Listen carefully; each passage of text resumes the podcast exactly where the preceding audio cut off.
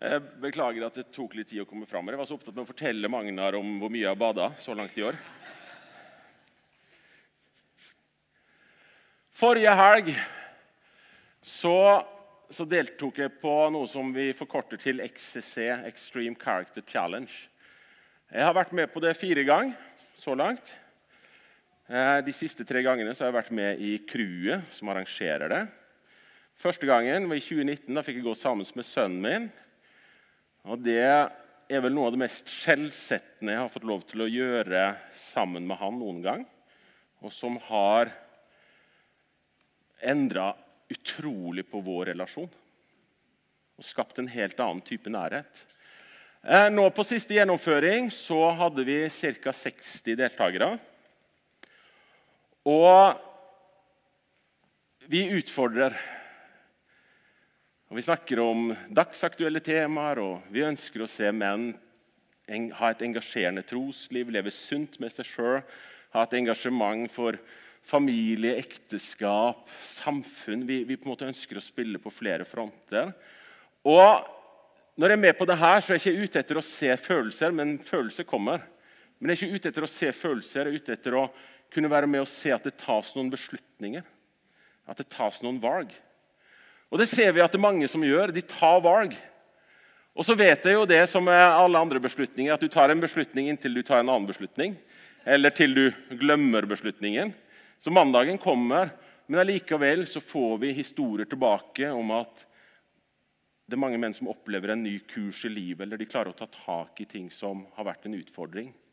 Og for min del da, så, så opplever jeg at det her er så godt å få være med på. Det er så fantastisk å få lov til å være i en sånn type tjeneste og være med å tilrettelegge for det her. Og få lov til å se og være med og på en måte lage en arena.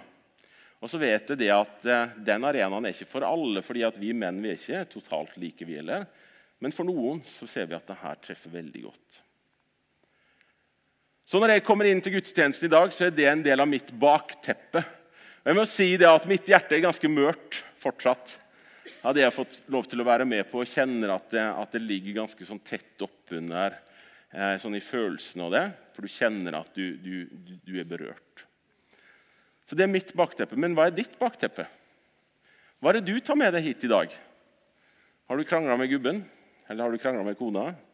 Eller var, var det bløtkokte egget ikke bløtkokt? Hva, hva, hva, er det du tar med deg inn hit i dag? Er det, er det glede og håp og fryd over at sola skinner, eller er det ja, du ser sol, sola skinne, men det er mørkt på innsida? Hva, hva er ditt bakteppe når du kommer hit til gudstjenesten i dag? Vi skal ta oss og be sammen, og så skal vi be om det at hvis For at vi trenger nå alle å ha et fokus her. Vi må være samles til oss om på en måte Guds ord. Eh, så vi skal be om at Hvis du sitter her og kjenner at det bare bobler over av glede og liv på innsida, så skal vi ivareta det og så skal vi be om at du skal kunne fokusere og høre på det som blir sagt. Og Hvis du kjenner at det er tungt, så skal vi be om at det letter. At det mørke at det får lov til å dras til side, og at du får se lys. Takk deg, Jesus, fordi at du er midt iblant oss. Vi har tro på at du er her, og at du er levende til stede eh, i din menighet. Og du ser, vi kommer fra ulike hus og hjem, og vi kommer fra ulike steder på Haugelandet hit til gudstjeneste i dag. Eh, men det fantastiske er at du ser hver eneste en av oss. Du ser oss som er samla her, og de som er samla på streamen. Og Nå ber jeg far om at du hjelper oss alle til å fokusere, til å løfte vårt blikk opp imot deg. Og så ber jeg om at Hvis noen kjenner at det er tungt i dag og det er mørkt, så ber jeg om at du eh, drar mørket til side og viser ditt lys. Og er dagen god og jubelen er sterk, så ber jeg om at det skal vedvare hele dagen. I ditt navn vi ber Jesus. Amen. Eh, jeg må reklamere litt, så jeg måtte ha den med i dag. Eh, vi har hatt en sånn eh, talerekke i Misjonskirka den våren her som går på sendt i ulike vinklinger og valører og fasetter på det å være sendt. Og Jeg har tenkt å holde med i den eh, temarekka også i dag. Jeg liker også, også tale ut ifra temaer, for da spinner refleksjonen godt for min del. i alle fall. Og Jeg har lyst til å starte med å se på Jesus som sendt. Og Da skal vi gå til det bibelverset som jeg tror er mest kjent for de aller fleste. og det er Johannes 3, 16. For så høyt har Gud elsket verden, at han ga sin egen sønn, den enbårne, for at hver den som tror på ham, ikke skal gå fortapt, men ha evig liv. For et fantastisk utgangspunkt. Kjærlighet. Gud elsker verden så høyt at han var villig til å ofre sitt eget hjerte gjennom det å gi sin egen sønn Jesus Kristus til å bli en syndebukk i vårt sted. Men så kan vi jo tenke som sånn, ja, men hva er det egentlig å elske, da? For verden kan jo være et sinnssykt forferdelig sted. Det er krig, og det er elendighet, og det er sult, og det er hungersnød, og det er miljøutfordringer, og vi skjønner det, men vi gjør ikke noe med det likevel. Hva er det egentlig å elske? Og så kan den jo selvfølgelig også være god, da. Men det som er det fantastiske med Gud, vår himmelske Far, er det at hans kjærlighet er ikke styrt av om verden er god eller om den ikke er god. Han elsker fordi han har skapt, og den tilhører han. Det er hans, og det ligger hans hjerte nær. Og Sånn er det jo for oss fedre og mødre også. Jeg håper i hvert fall at det er sånn. At du slutter jo ikke å elske barna dine selv om de skulle skitne seg til å tabbe seg ut. Tror ikke det. Sant? For kjærligheten til våre barn den er der nettopp fordi de er våre barn. De er våre sønner, de er våre døtre. Derfor elsker vi. Og den strekker seg langt. Så altså, Gud ser at her må det gjøres noe, så han bestemmer seg for at han må gi noe inn i den verden her som kan, kan bringe håp. Som kan bringe et budskap slik at mennesker ikke går fortapt, men har evig liv. For livet det leder jo ikke til en lykkelig slutt sånn tilfeldigvis. Det er jo ikke slik at hvis du lever etter eh, man skal ikke plage andre, man skal være grei og snill, og for øvrig kan man gjøre hva man vil, så går du inn i døden på hvite skyer og til englesang. Det er jo ikke, sånn, det er ikke slik at den utgangen av det livet her er på en måte styrt av tilfeldighet. Og om du på en måte har et regnskap som går mer opp enn i minus osv. Det er Jesus som er nøkkelen til livet etter vår jordiske død. Nå, nå, må jeg jo si det da, at for de aller fleste, i hvert fall sånn som jeg skimter her, så, så kan jeg med stor trygghet slå fast at dette er ikke den første gudstjenesten du er på. Jeg er sikker på det at Hadde vi gjort en, sånn, en liten sånn undersøkelse her nå, så kunne vi sikkert ha plukka fram folk som har hundrevis av gudstjenester på samvittigheten. Kanskje noen til og med har passert 1000 gudstjenester. hva vet jeg. Så det som jeg skal snakke om i dag, er jo garantert ting du har vært innom før. Så det er ikke noe sånn at jeg kommer inn med noe sånn helt banebrytende her som aldri har vært sagt før. Det som jeg har sagt før, har du sikkert hørt flere ganger før. Men jeg har tillit til at, fort, at Gud fortsatt kan gjøre sitt ord levende, selv om vi har hørt det før. Vi har helt kort bare grepet tak i hvorfor Jesus ble sendt. Jo, fordi at verden var i nød. Gud måtte gripe inn. Men hva var det da Jesus var sendt for å gjøre? Fordi du kan ha en god plan. Det er ingen problemer å legge planer. Eh, du kan ha en god intensjon. Jeg vet ikke, er noen her som er flink til å legge planer, men ikke fullt så flink til å utføre dem? Nei, jeg trenger ikke rekke opp handa på det. Men skal du ha en plan og skal du ha en intensjon, så må den settes ut i konkrete handlinger og tiltak. Det må på en måte følge noe med den planen. Hvis du tenker på at du skal pusse opp stua hjemme, så på et eller annet tidspunkt så må du faktisk pusse opp. Du må gjøre noe. Du må ut med møblene, fram med malerkosten osv. Du, må, du må få tingene gjort, du må sette det i system, og så må du utføre. Så hva da med Jesus? Ja, Gud så at det var behov. Han sendte Jesus. ok. Eh, mennesker skal ikke gå fortapt, de skal få evig liv osv. Og, og så står det i verset etter Johannes 3, 16, i verset 17 så står det Gud sendte ikke sin sønn til verden for å dømme verden, men for at verden skulle bli frelst ved ham. Så altså Her har vi fått tak i intensjonen. Ok, Gud ser at verden trenger et håp. Vi trenger noe som kan redde menneskene. Og Så sender han Jesus og så gir han en klar sånn intensjon, en sånn mission statement på hva det Jesus skal gjøre. Han kommer ikke for å dømme, men for at verden skal kunne bli frelst ved ham. Så vi fikk med andre ord ikke en dommer tilsendt. Så hvis du kjenner det at troen dømmer deg nord og ned, så kan du søke forbund etterpå. Så kan vi be om at det skal tas bort ifra det. Men vi fikk tilsendt en redningsmann. Ikke sant? Og Jeg jobber jo i Rescue ute på Hagland, og vi driver stadig med redningspersonell. Og Det er jo fantastisk når vi ser helikopter kommer inn og skal trene med våre folk. og der mennesker ut av en situasjon. Gud sendte oss en redningsmann. Men hva er det da Jesus sier at han så skal gjøre? Han har på en måte fått mission statement. Dette er det som overordna bildet. Men hva er det du da skal gjøre? Hvordan skal du utføre det her? Hva er penn og pensel? Hva er verktøyene Jesus du skal bruke? Og Vi kan lese fra Lukas kapittel 4. Så sier Jesus noe om hva er det han skal gjøre? Hva er det han er kommet for å gjøre? Og Hvis du leser da kapittel 4, vers 18 eh, og 19 og leser på en måte det som står foran og bak, så skjønner du det at når Jesus sier det han her sier, så blir det ikke nødvendigvis jubel. Og Du kan jo stusse på hvorfor ikke det blir jubel, men, men han klarer å tråkke på noen tær der. men han gjør det ganske bevisst. Men i alle fall, det Jesus sier, er 'Herrens ånd er over meg', for han har salvet meg til å forkynne et godt budskap for fattige.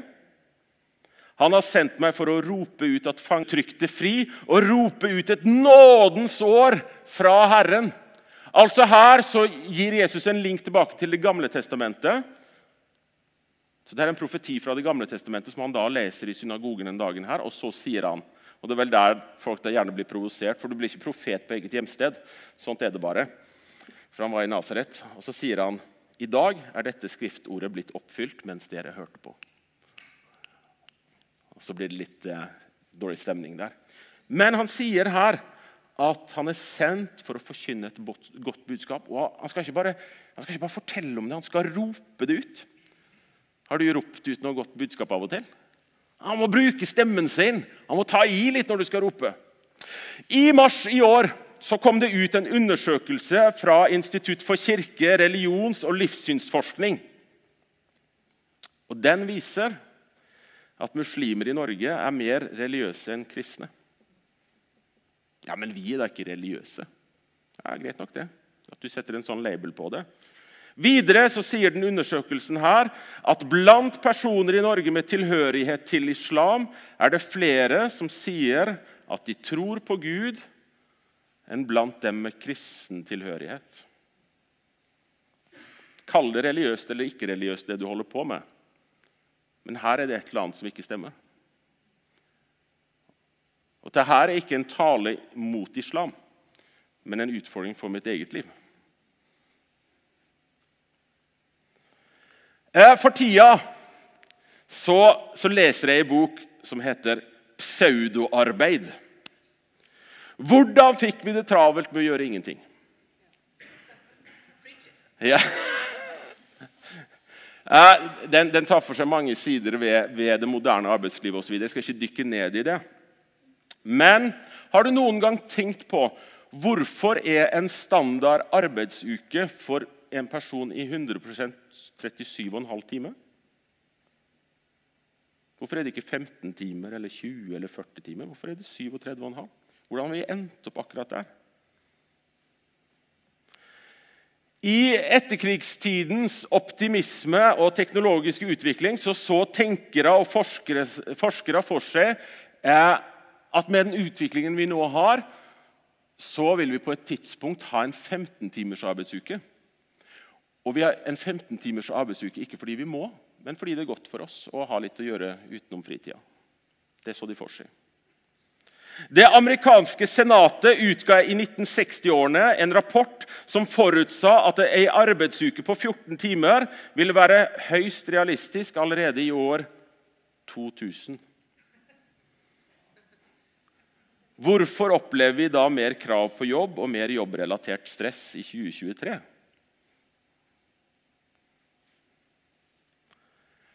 Flere av de første og mest driftige kapitalistene på slutten av 1800-tallet og begynnelsen av 1900-tallet var prega av protestantisk kristendom, som kom til uttrykk gjennom en asketisk og pietistisk livsstil.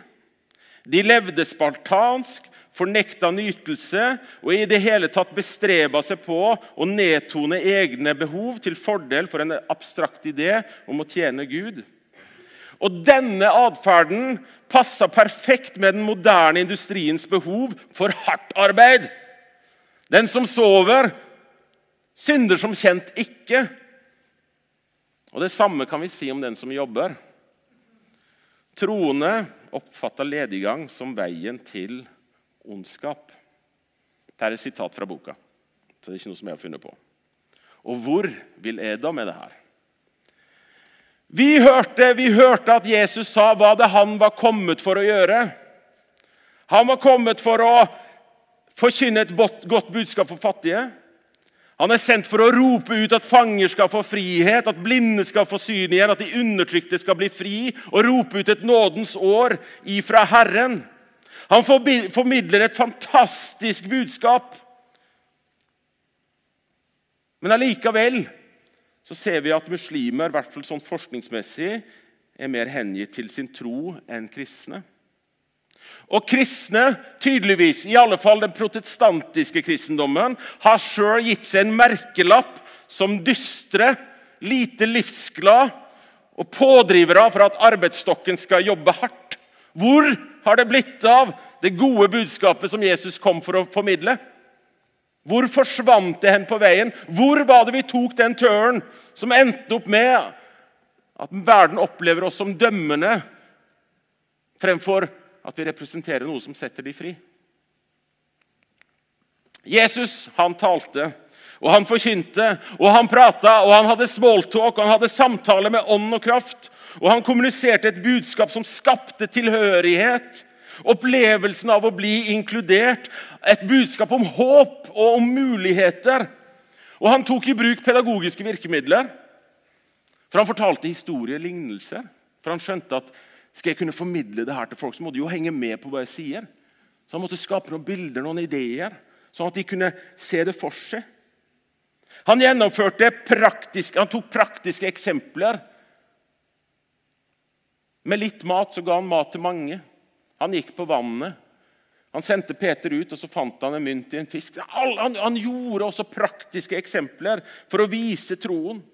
Og han tok handling. Han, bare, han prata ikke bare, men han tok handling, han tok aksjon. Gjennom det å helbrede syke. Ja, men det er skummelt, da.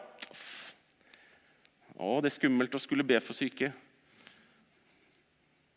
Men kanskje vi ikke skal legge lista så høyt, da.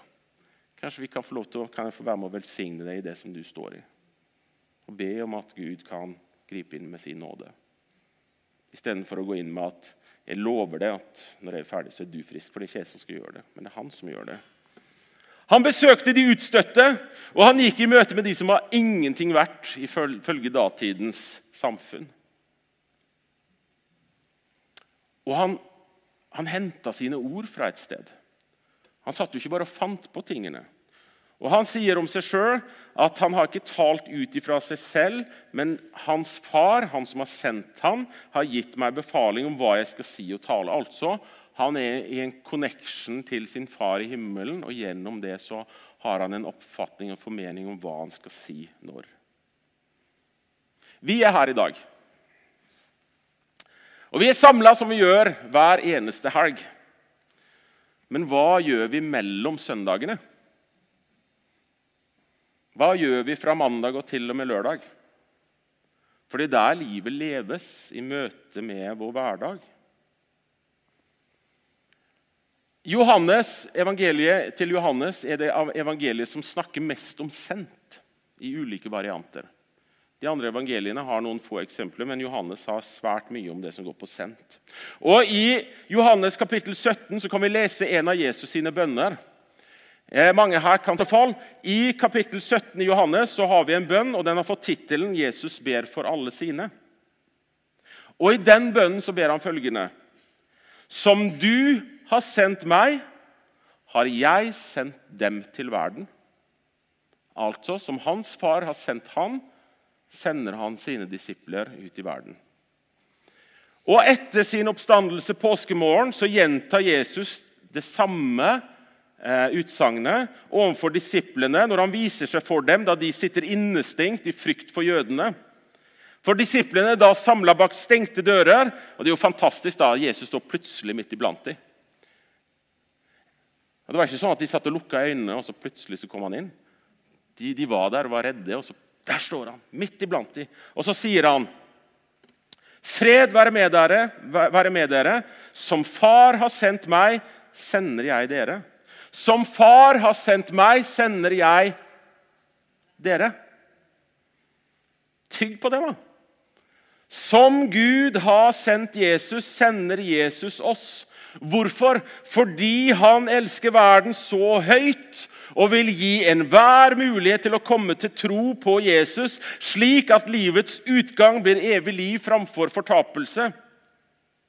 Og Jesus sender oss ikke inn i verden for å dømme verden, men for at verden skal bli frelst ved Jesus fordi vi er hans armer og vi er hans bein. Og hvordan, da?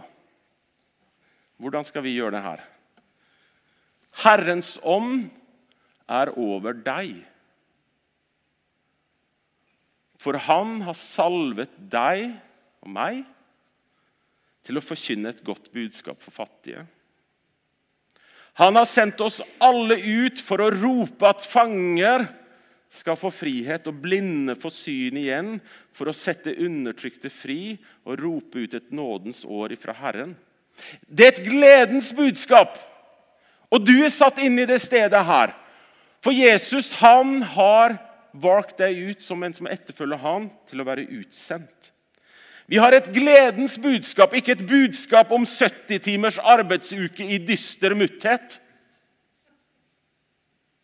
Og når du da skal gå ut og være en Kristus, en som ligner på Jesus der du er, så skal du ta i bruk historier. Og så skal du fortelle din historie. For den kan ingen ta ifra deg. Ingen som kan begynne å si Nei, men det der er jo ikke sant. Jeg tror jeg aldri på. Ja, men Det er din historie. Det er hva du har opplevd, hva du har erfart. Hva du tar med deg i din sekk. Du kan illustrere tro gjennom handling og atferd. Du kan være praktisk. Og du kan våge å sette tro i aksjon gjennom bønn både alene og sammen i møte med de menneskene som du omgis av. Og så kan du være med å ta Guds ord med inn i mennesker sine liv gjennom at du bruker dine egne ord. Hvis du skal snakke til noen som ikke kjenner den kristne tro, så skal du henvise til at ja, i, Luka, i Johannes 3, 16 så står det, så har ikke det noen forutsetning for det. Men du kan fortelle det med dine, dine, egne ord. Du kan fortelle at vi tror på en kjærlig Gud som valgte å ta lidelsen på seg sjøl for at vi skulle få muligheten til å gå fri gjennom troen på Han. Men fremfor alt våg, for du skal være med og rope ut. Det er jo kult. Hvor skal vi rope det her ut? Jeg ser for meg at Når jeg går på jobb på mandag, så skal jeg stå og rope ut det her. Men, men jeg liker for det, det er noe sånn grandios, det er noe sånn stort over det her. Det er ikke noe du skal holde stille for deg sjøl. Du skal virkelig gi det ut til folk. Du skal rope ut et nådens år.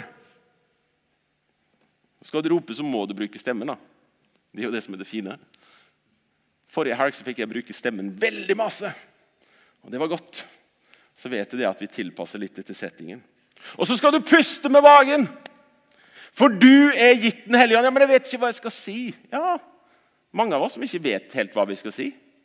Og vi kjenner at ah, vi blir i hvert fall litt sånn på kant, føler oss på kanten av stupet når vi står i en situasjon som vi ikke har full kontroll på. i hvert fall noen av oss. Men du er gitt Den hellige ånd, og den vil hjelpe deg med hva du skal si når du våger. Ja, men kan jeg ikke få det på forhånd, da, så jeg kan gå igjennom og liksom, litt korrektur og sånt da, og vite på en måte plan A og plan B osv. Nei, du må våge. I noen situasjoner så må vi bare våge å tørre å stå i det som han har kalt oss til. Så du som er en troende, du var sendt av Jesus da du kom hit i dag tidlig, til å utføre det verk som Faderen sendte Jesus for å gjøre. Og når du går herfra etterpå, så er du fortsatt sendt av Jesus for å gjøre det samme. Og nå skal jeg snart gå tilbake bak pianoet, men jeg har lyst til å si det. Ønsker du forbønn? Om det så er bare at eh, forbedrerne skal be om at du skal ha frimodighet til å våge å dele din tro med noen andre, så har jeg lyst til å utfordre deg på å gjøre det. Og Hvis det er andre ting du kjenner på i livet ditt som du opplever at det her trenger jeg å få lagt av med, søk forbedrerne våre. De er bak i kroken her nå etterpå. Og så vet vi at Nå ligger det en arbeidsuke foran oss. Eh, for de av oss som jobber eh, fullt, så er det 37,5 timer vi skal gjennom på jobb. Så vi bruker mye tid på jobb. Kanskje du bare ønsker å bli velsigna innenfor den uka som ligger foran deg. At du bare kjenner at jeg trenger litt boost. Jeg trenger litt, litt ekstra på batteriene denne uka. her. Kan du, Jesus, gi det? Og så kan jeg gå inn i uka med forventning om at også denne uka her så går du sammen med meg. Og så får jeg lov til å være din representant, din disippel der hvor jeg er. Vi kan ta oss og reise oss, vi skal synge sammen. Vi skal få høre en solosang her. Men eh, hvis vi reiser oss, er det litt enklere å bevege på seg hvis en ønsker det. Og Så skal Maria fortelle litt mer her etterpå. Jeg takker deg, Jesus, fordi at du er midt iblant oss. Jeg takker deg fordi at du gir oss av ditt ord. Og så takker jeg deg for at slik du var sendt, Jesus, så er vi sendt. Og ber om at det skal tale inn i livene våre. Og så ser du alt vi kan stå og tenke på her nå, alt det som opptar oss, og alt det vi kjenner på, og alt det vi bærer med oss i sekken. Og ingenting er skjult for det, Jesus. Jeg ber om at når vi går herfra i dag, så har vi fått lagt av oss ting som tynger. Og så har vi fått lagt oppi sekken ting som gir energi og iver og glød for dagene som ligger foran oss, Jesus. I ditt navn vi ber. Amen.